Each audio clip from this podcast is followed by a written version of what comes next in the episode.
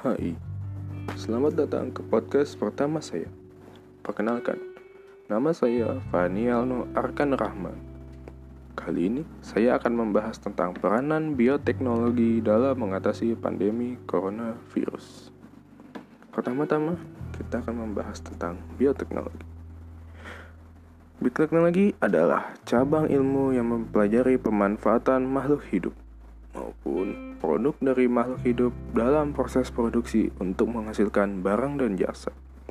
Kedua, tentang coronavirus. Coronavirus adalah virus yang menyerang sistem pernapasan pada tubuh manusia. Ciri-cirinya beragam, yaitu flu, batuk, demam, sampai kasus yang parah, seperti kesulitan bernapas. Corona sendiri menyebar melalui cairan tubuh. Itulah mengapa anjuran memakai masker diadakan. Karena virusnya mampu menyebar saat kita batuk, berbicara, maupun bernafas. Setelah tahu tentang kedua hal tersebut, sekarang apa sih hubungan bioteknologi dengan corona? Nah, kalian tahu vaksin? Itu tuh yang dipakai supaya kita tidak terjangkit penyakit. Nah, vaksin itu termasuk ke dalam bioteknologi. Jadi, peran bioteknologi dalam mengatasi corona adalah dengan vaksin, yaitu dengan menemukan vaksin untuk corona ini.